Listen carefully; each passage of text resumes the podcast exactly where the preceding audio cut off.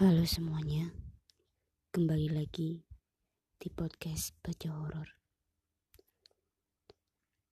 Kali ini podcast Baca Horor akan membacakan cerita dari emak Ed Desi Prayoko 1 berdasarkan dari kisah nyata yang berjudul Rumah Sundel.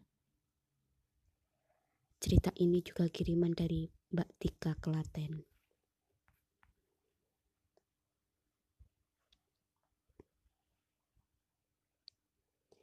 Cerita ini, cerita kali ini datang dari narasumber yang bernama Pangestika Rahayu Wirya atau akrab dipanggil Mbak Tika. Mbak Tika ini asalnya dari kota Klaten, Jawa Tengah. Mbak Tika ini kebetulan salah satu pembaca dari cerita emak. Dan kali ini Mbak Tika merasa ingin bercerita tentang riwayat hidup almarhum kakaknya. Sebelum ke ceritanya, aku sangat-sangat berterima kasih kepada Mbak Tika karena sudah mau membagikan cerita ini ke tim cerita emak. Meski aku sangat paham bahwa cerita ini sangat-sangat sensitif untuk narasumber maupun keluarga besarnya. Tapi sekali lagi, aku pribadi dan tim mengucapkan beribu-ribu terima kasih atas partisipasinya mengirim cerita ke kita dan bersedia cerita kita up ke trik kali ini. Di dalam cerita ini, kita tidak bermaksud menghina atau merendahkan siapa pun, dan karena ini cerita yang sangat sensitif. Kami harap pembaca juga kalau komentar tolong dengan kata-kata yang sopan agar tidak menyakiti perasaan siapa pun yang terlibat dalam cerita ini.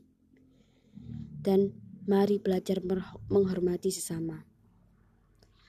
Kita terutama aku akan menuliskan tweet ini real berdasarkan alur cerita yang langsung disampaikan oleh narasumber tanpa ada yang dilebih-lebihkan dan cerita ini dikoreksi langsung oleh tim kita yang bernama Dimas.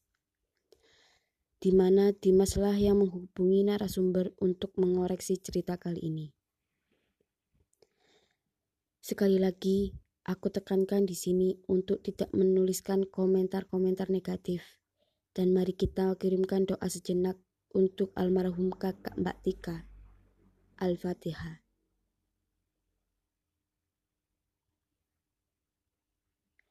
Terima kasih atas doanya. Aku percaya para pembaca adalah orang-orang baik, jadi tidak mungkin melakukan komentar-komentar negatif di bawah. Oke, sekarang kita langsung ceritanya. Pasti di sini tidak ada yang asing dengan kata sundel. Kalau dalam bahasa Jawa, tempat asalku, makna dari kata tersebut seperti gadis atau wanita malam. Yunulah. Persepsi orang terhadap orang-orang yang memilih ini menjadi suatu profesi sangatlah negatif. Pastinya, apalagi kita kental dengan budaya timur. Begitu pula persepsi orang terhadap almarhum kakak Mbak, Mbak Tika. Panggil saja dengan dengan sebutan Mbak Sari.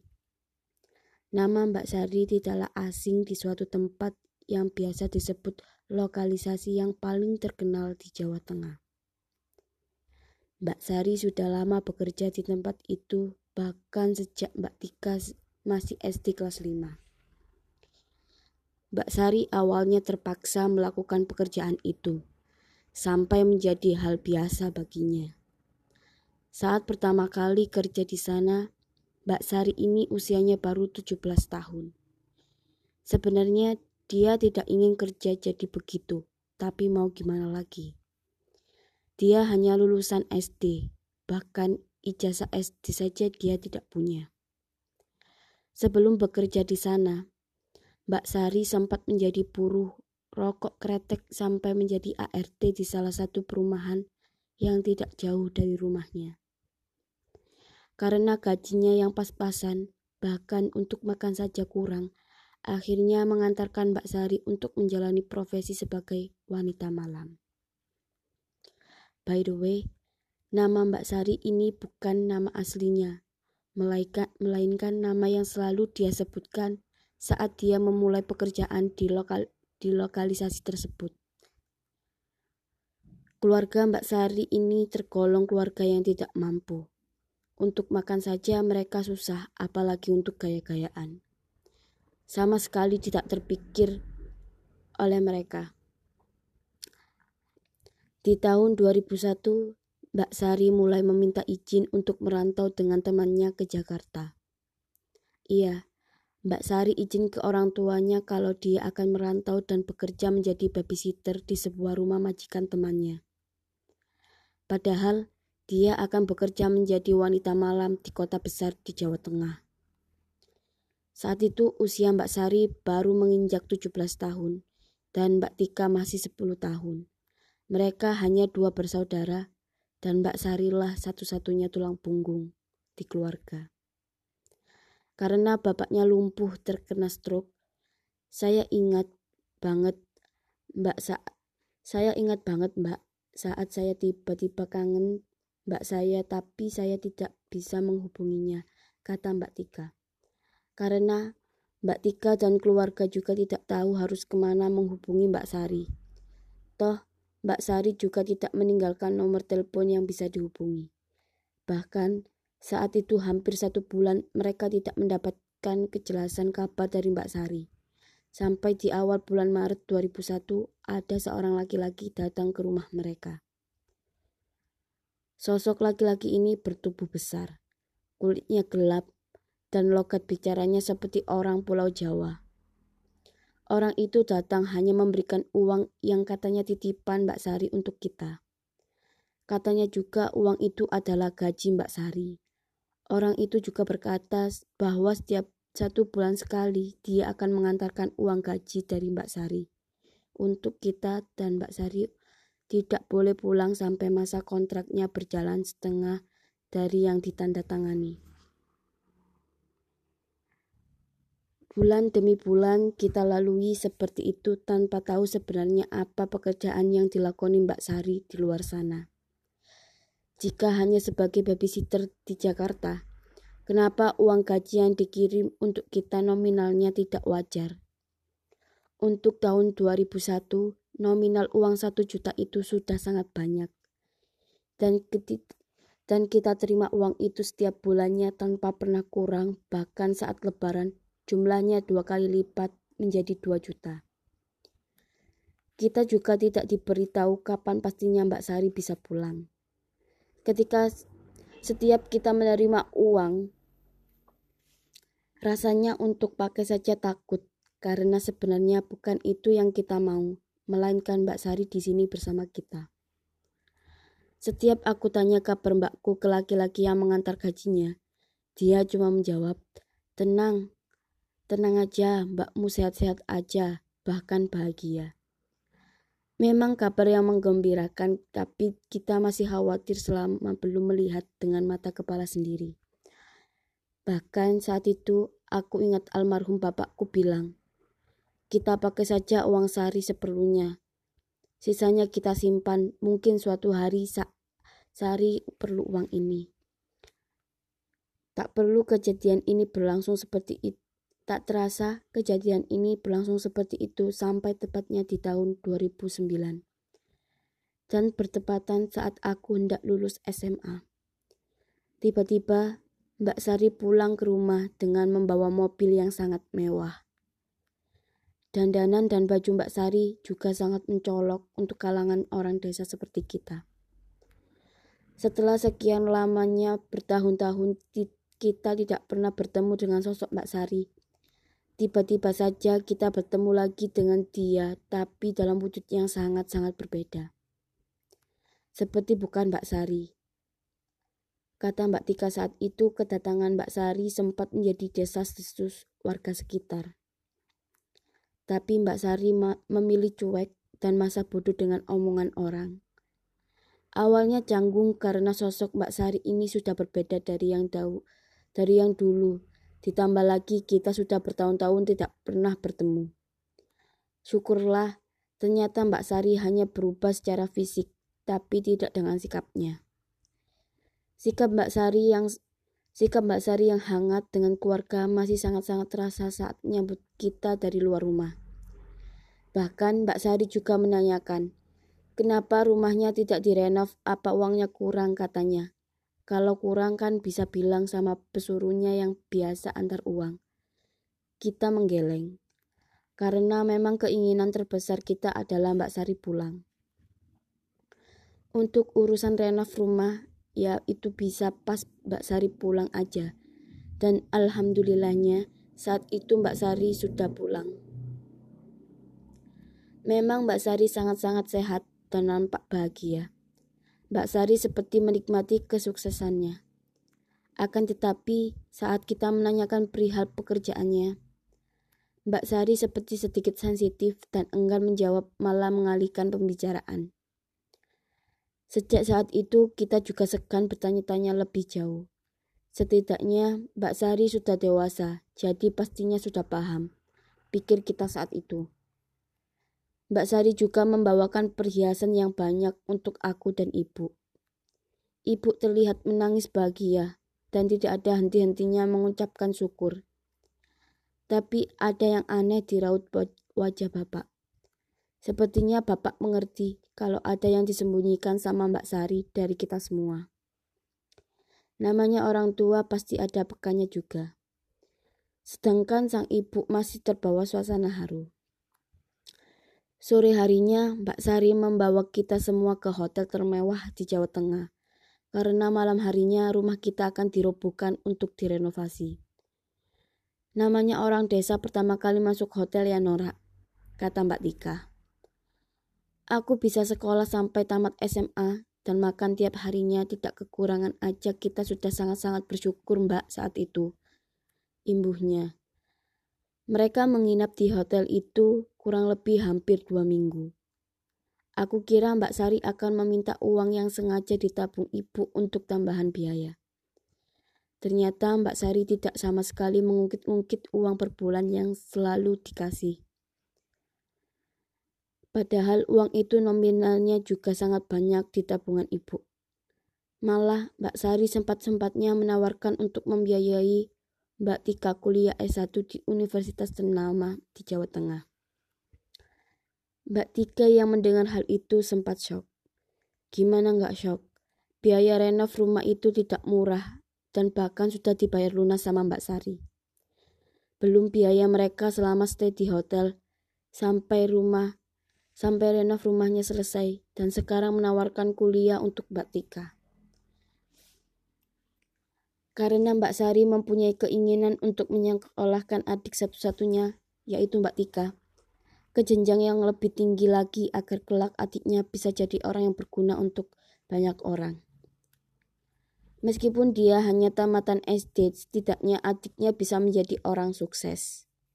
Mbak Tika yang awalnya ragu, mungkin lebih tepatnya sungkan, akhirnya memilih untuk menerima tawaran Mbak Sari. Mbak Sari yang mendengar itu langsung senang dan mendaftarkan adiknya ke salah satu universitas ternama di daerah mereka.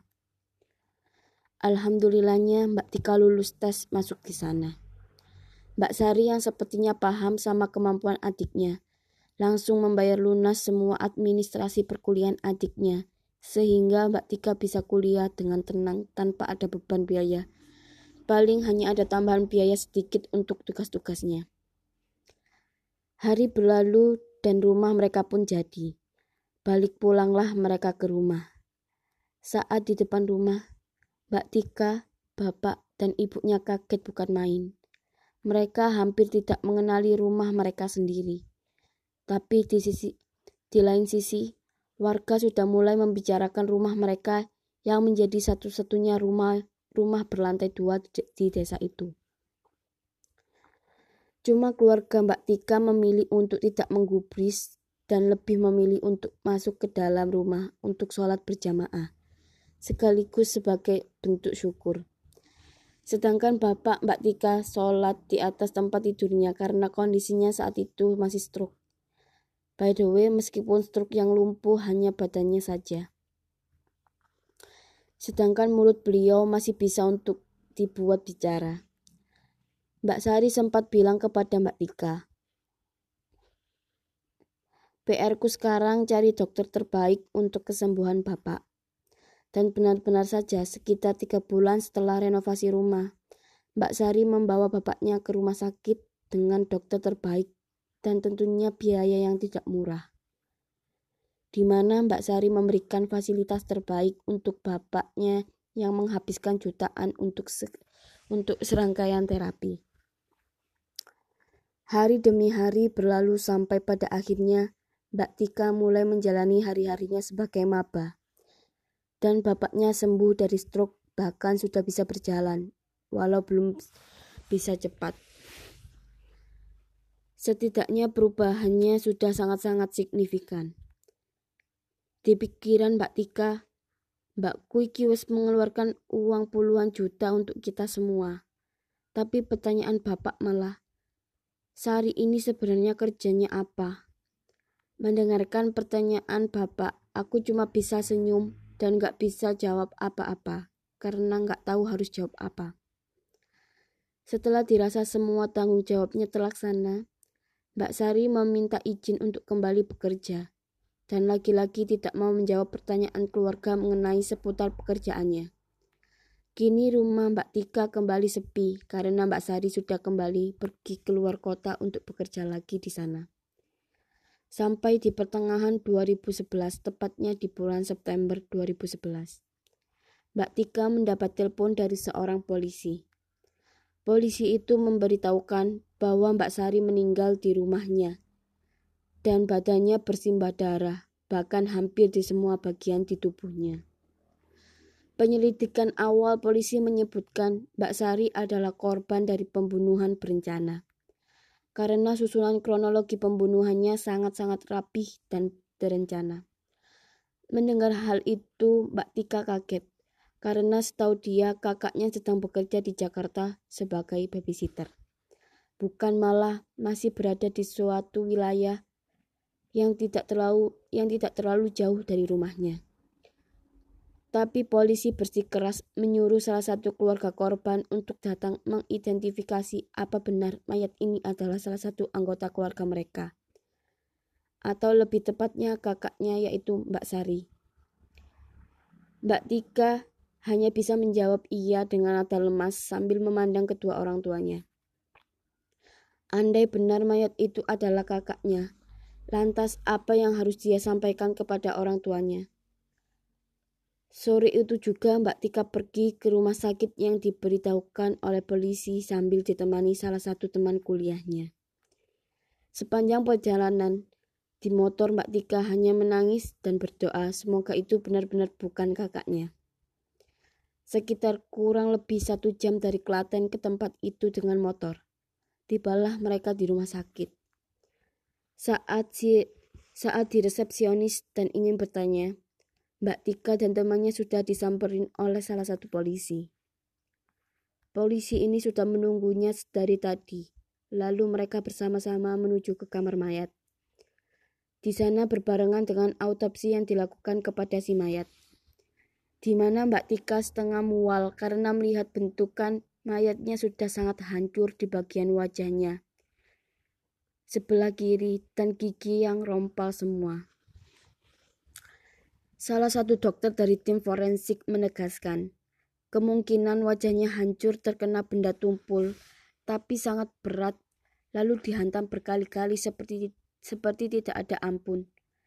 Saat Mbak Tika bertanya contoh bendanya seperti apa, si dokter menjawab kemungkinan kemungkinan besi seperti tongkat baseball. Mendengar hal itu, Mbak Tika kaget sekaget-kagetnya sampai tidak bisa bicara apa-apa. Dan dokter juga menambahkan, sebelum dihancurkan wajahnya sampai seperti ini, korban terlebih dahulu ditusuk lehernya sebanyak tiga kali, yang mengakibatkan terputusnya urat syaraf utama karena terlihat dari luka di leher korban. Karena terlihat jelas ada luka menganga yang cukup lebar dari leher samping kiri korban yang hampir meneb, yang hampir menembus menembus leher sebelahnya.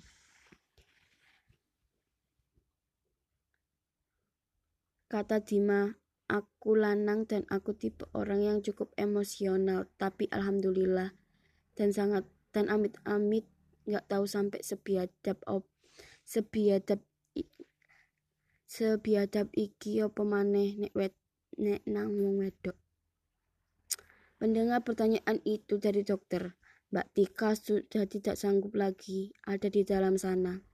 Lalu dia dibawa keluar oleh polisi, wanita yang ikut mengamankan kasus ini.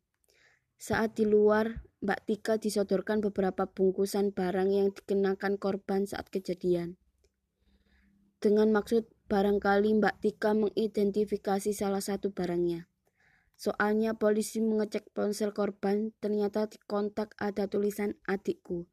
Jadi polisi langsung menghubungi nomor itu yang ternyata nomor Mbak Tika. Karena memang saat polisi mengecek status korban di RT setempat bahwa korban pendatang baru yang pindahan dari Klaten dan baru saja membeli rumah itu untuk dijadikan tempat tinggal, serta banyak rumor yang, bered yang beredar dari warga sekitar bahwa korban adalah seorang gadis malam di salah satu lokalisasi yang terkenal di sana. Bahkan korban adalah germor korban adalah germonya. Mbak Tika yang saat itu kalut dan masih bingung. Ketambahan dengar omongan itu makin emosi. Dia kekeh kalau itu pasti bukan kakaknya, karena kakaknya tidak mungkin begitu. Tetapi saat polisi mengeluarkan sebuah bungkusan yang di dalamnya terdapat sebuah KTP dengan nama dan wajah Mbak Sari, seketika hati Mbak Tika hancur bukan main. Dia juga bilang, saat itu rasanya dia seperti mimpi di siang bolong. Apalagi saat polisi bilang, itu identitas dari korbannya Mbak. Seketika tangis Mbak Tika pecah dan menghancurkan keheningan di rumah sakit saat itu. Dia tidak tahu harus gimana. Ditambah lagi dia melihat ada sepasang anting yang motifnya sama dengan anting yang Mbak Tika pakai saat itu. Mbak Tika jadi teringat momen di mana Mbak Sari memberikannya sepasang anting untuk Mbak Tika yang motifnya sama. Rasanya Mbak Tika ingin pulang dan memeluk orang tuanya. Polisi juga bilang jika sudah teridentifikasi begini, kemungkinan kita kemungkinan kita juga bisa secara cepat mengusut kasusnya dan memulangkan jenazah ke rumah yang sesuai dengan alamat di KTP. Mbak Tika pun izin untuk pulang ke rumah, menyiapkan segala keperluan, dan untuk di rumah sakit dia percayakan kepada pihak polisi. Pulanglah Mbak Tika ke rumah. Dia sudah disambut kedua orang tuanya di hadapan rumah yang sudah khawatir karena Mbak Tika pergi dengan buru-buru. Mbak Tika tidak kuasa membendung rasa sedihnya. Dia langsung memeluk orang tuanya dan menceritakan semuanya dari awal secara terperinci. Orang tua Mbak Tika yang mendengar ceritanya kaget, kecewa, dan sedih bukan main. Sampai tangisan ibu Mbak Tika membuat warga heboh dan penasaran. Dalam waktu sekejap saja rumor negatif tentang Mbak Sari beredar lagi. Tapi Mbak Vika meminta semua warga untuk berhenti membicarakan yang aneh-aneh tentang kakaknya dan meminta doanya yang baik-baik saja. Tapi warga malah tidak menggubrisnya. Jujur Yore atiku miris melihat perilaku tetangganya Mbak Vika ini kayak piye ngono sumpah itu orang-orang kalau jadi tetanggaku wis tak celatus dhisik BTW bentar ya rek. Kita lanjutkan. Hanya sebagian warga yang masih memiliki empati yang bersedia berkenan membantu Mbak Tika menyiapkan segalanya.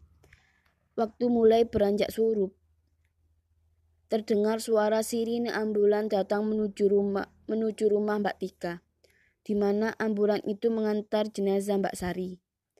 Pengantar jenazah ini bilang ke Mbak Tika kalau jenazahnya hanya tinggal disolatkan dan bisa langsung dimakamkan. First story.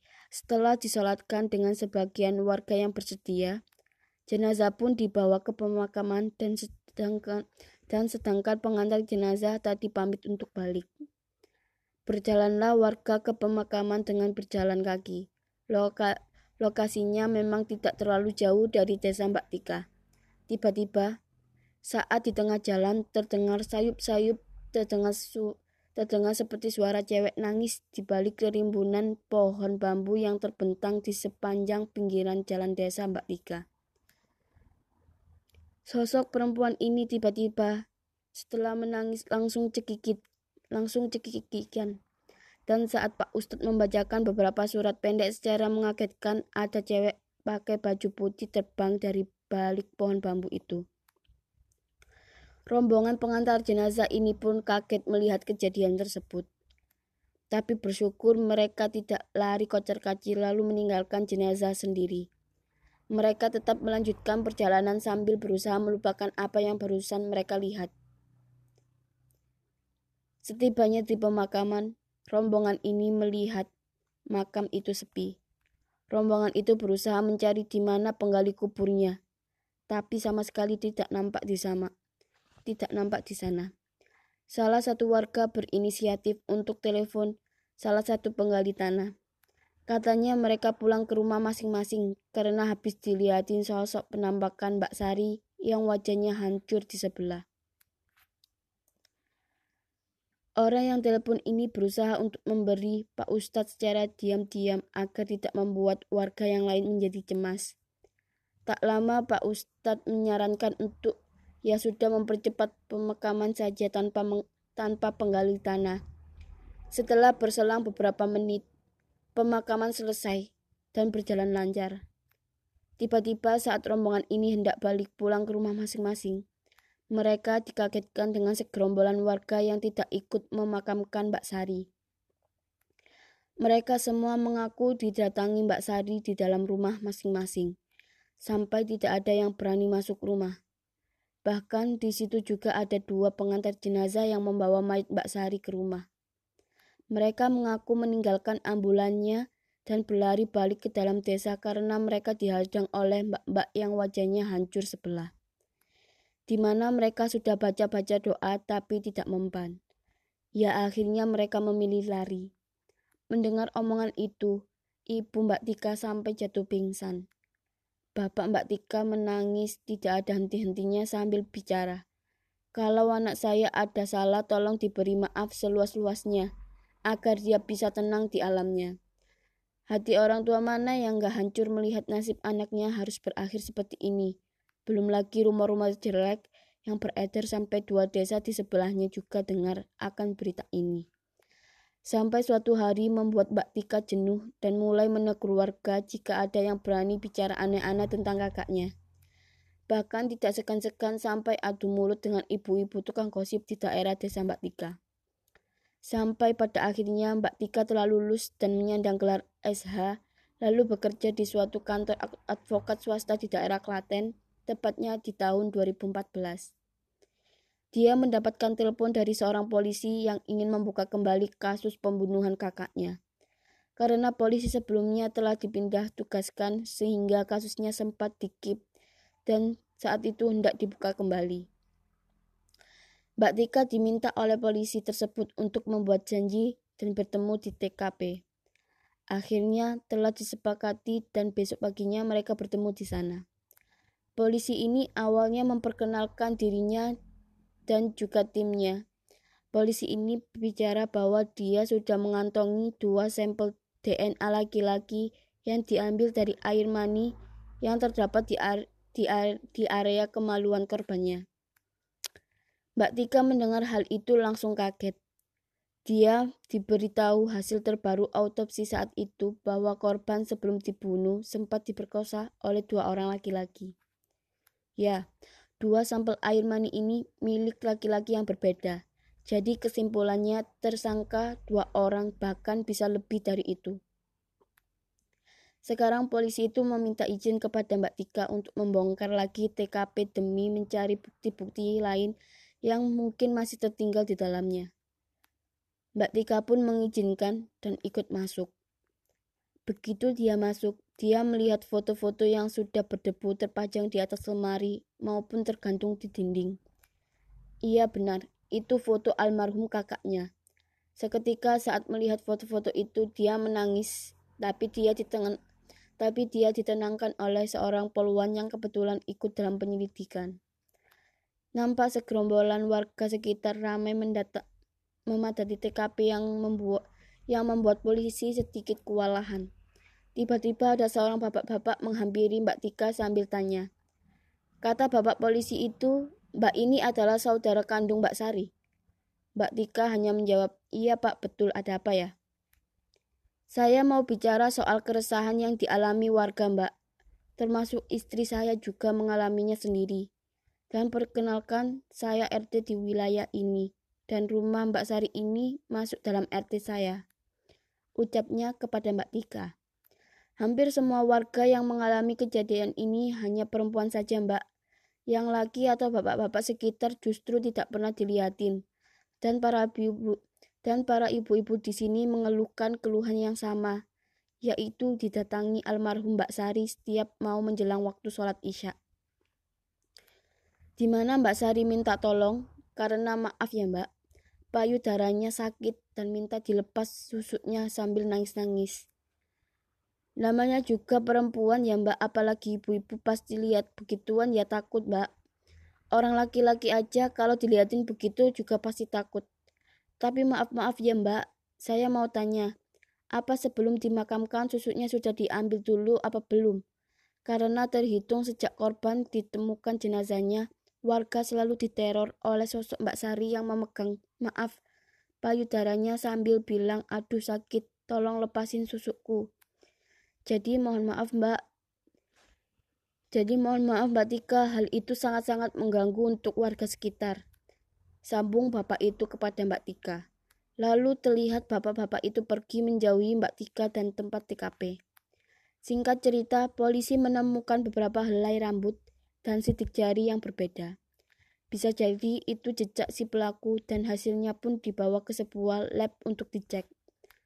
Mbak Tika yang posisinya saat itu masih kalut antara sadar dan tidak seperti melihat suatu bayangan di dalam rumah tersebut. Tapi bayangan itu menghilang seketika. Lamunan Mbak Tika dibuyarkan oleh seorang polisi yang memberitahu Mbak Tika bahwa hasil lab nanti sore sudah bisa keluar. Dan jika identitas pelaku benar-benar sudah pasti, baru kita akan lakukan penangkapan. Mbak, Mbak Tika hanya mengangguk. Saat semua selesai, polisi kembali memasang garis polisi di rumah berdebu itu. Dan Mbak Tika kembali ke rumah. Waktu berjalan. Ternyata benar apa yang disampaikan oleh pihak polis kepolisian bahwa hasilnya sudah keluar. Menurut hasil pemeriksaan bahwa DNA DNA itu milik laki-laki dengan inisial GB berusia 29 tahun dan WIK berusia, tiga, berusia 34 tahun. Dua orang terduga pelaku ini berdomisili tidak jauh dari sebuah lokalisasi di mana korban atau Mbak Sari bekerja. Malam itu juga polisi melakukan penangkapan setelah meminta izin Mbak Tika. Semua berjalan semua berjalan lancar, tidak ada kendala, dan polisi dengan mudah dapat menangkap mereka. Tentunya dibantu oleh pihak warga setempat yang risih dengan situasi dan orang-orang yang sok preman di lokalisasi tersebut. Dua orang ini langsung dibawa ke kantor polisi untuk dimintai keterangan dan dipertemukan sama Mbak Tika. Saat dua orang ini tiba di polsek setempat, Mbak Tika sempat ingin menghajarnya. Hanya saja dia berusaha menahan dirinya. Pemeriksaan cukup berjalan lama karena ter, tersangka sempat tersangka sempat tidak mau mengakui perbuatannya dan mengelak. Tapi karena ancaman polisinya tidak main-main, mereka pun mengaku. Mereka terpaksa membunuh Mbak Sari karena rasa kecewanya. Di mana pelaku yang berinisial WIK ini adalah pacar korban dan dia marah karena setiap ingin minta jatah selalu dikatai entah yang cepat keluar dan itunya pendek dan tidak memuaskan sampai-sampai membuat WIK ini menaruh dendam terhadap Mbak Sari. Lalu saat pagi harinya sebelum Mbak Sari dibunuh, WIK ini mengetes Mbak Sari dengan dikenalkan ke temannya yang berinisial D yang berinisial DNA dan tak lain juga salah satu tersangka. Ternyata Mbak Sari ini tergoda sama DNA, sampai Mbak Sari dengan sendirinya menawarkan diri untuk mengajak DNA tidur dengannya. Mengetahui hal tersebut, WIK marah dan gelap mata. Apalagi ternyata DNA ini juga meladeni ajakan Mbak Sari. Secara Mbak Sari ini tergolong cantik dan satu-satunya primadona di, lokali, di, di lokalisasi tersebut. Datanglah DNA ke rumah Mbak Sari setelah minta izin ke WIK. Dan diam-diam WIK juga ikut dan masuk sembunyi-sembunyi ke dalam rumah Mbak Sari. Saat DNA dan Mbak Sari begituan, WIK yang sudah naik pitam memukul kepala Mbak Sari dengan botol dengan botol bekas minuman sampai Mbak Sari jatuh. Dan WIK langsung ikutan meniduri Mbak Sari. Padahal menurut penuturan WIK saat itu Mbak Sari sudah sangat-sangat kesakitan.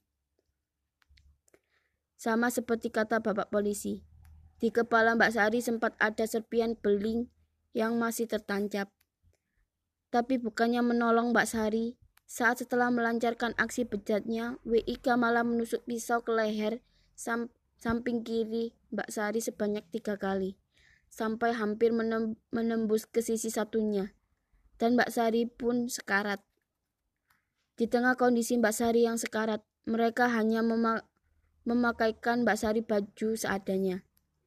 Setelah itu mereka pergi meninggalkan Mbak Sari sendiri di rumah itu sampai kehabisan darah dan meregang nyawanya dan yang menemukan Mbak Sari adalah teman kerjanya di lokalisasi bernama Mbak Erni. Kenapa tidak kita samarkan nama Mbak Erni? Karena Mbak Erni lah yang mengkonfirmasi kebenaran cerita Mbak Tika. Jadi kita hubungi Mbak Erni ini setelah kita mendengar ceritanya Mbak Tika. Alur cerita yang disampaikan Mbak Erni ini sama dengan cerita sama dengan ceritanya Mbak Tika soal penemuan jenazahnya dan pelakunya. Jadi ceritanya Mbak Erni ini iseng ke rumah Mbak Sari untuk pinjam baju.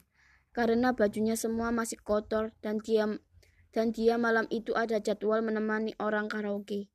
Sesampainya di rumah Mbak Sari, Mbak Erni ini udah panggil-panggil. Tapi nggak ada sautan dari dalam. Pulanglah dia balik ke rumah dan pinjam baju kawannya yang lain. Karena Mbak Erni ini masih penasaran dengan kondisi Mbak Sari, baliklah lagi Mbak Erni ke rumah Mbak Sari Pagi harinya sekitar jam 8 pagi, sepulangnya dari menemani om-om karaoke dan niat hati mampir sebentar. Sama seperti malam, masih nggak ada sautan sampai dia nanya ke tetangga sebelah. Tapi tetangga nggak ada yang tahu sampai Mbak Erni meminta bantuan warga untuk mendobrak pintu rumah Mbak, Mbak Sari. Warga pun setuju dan mulailah mendobrak, mendobrak pintu rumah itu. Setelah berhasil didobrak, aroma menyengat itu mulai tercium di hidung mereka. Karena Mbak Erni penasaran, masuklah dia ke dalam. Setelah pas di kamar Mbak Sari, Mbak Erni berteriak melihat Mbak Sari sudah dalam kondisi berlumuran darah yang sudah mulai mengering di sekujur bad, di sekujur dadanya.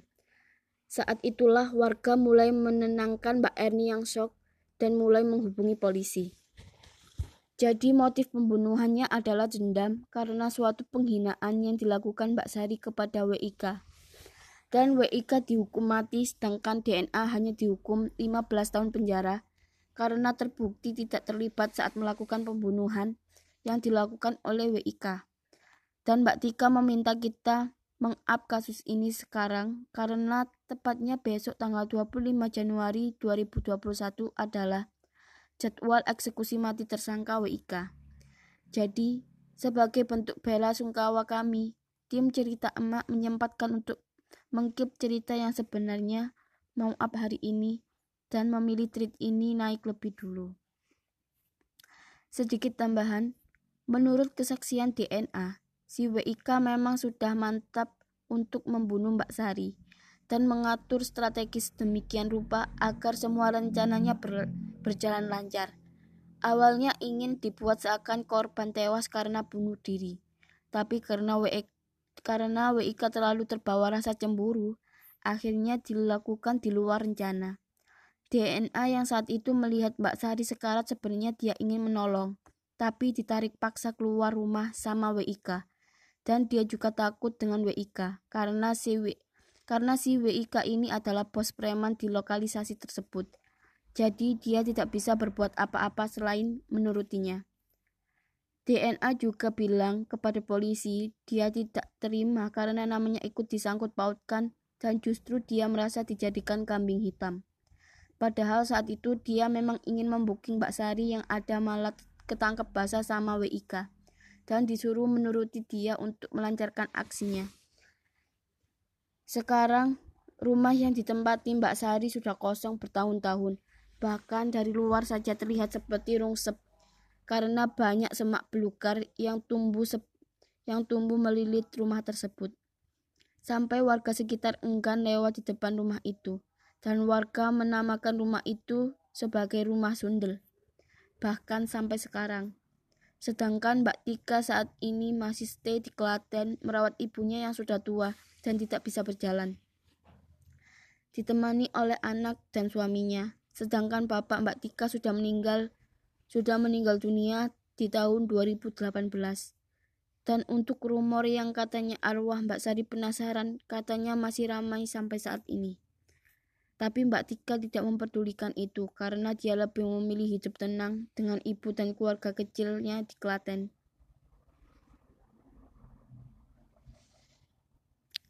Inilah sebabnya kenapa aku lebih takut sama manusia ketimbang hantu.